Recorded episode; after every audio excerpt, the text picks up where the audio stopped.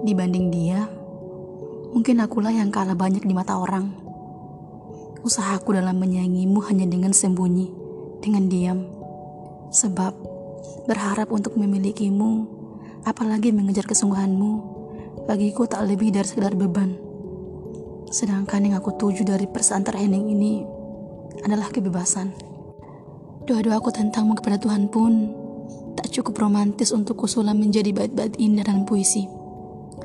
Sebab yang kupelihara bukanlah pesonaku di hadapanmu, hingga kamu sadari dan inginkan adaku, melainkan hatiku sendiri. Meski begitu, kamu pasti paham benar. Cara seseorang dalam mengasihimu yang serba berkebalikan sama sekali tak layak menjadi takaran keseriusan dan ketulusan terhadapmu.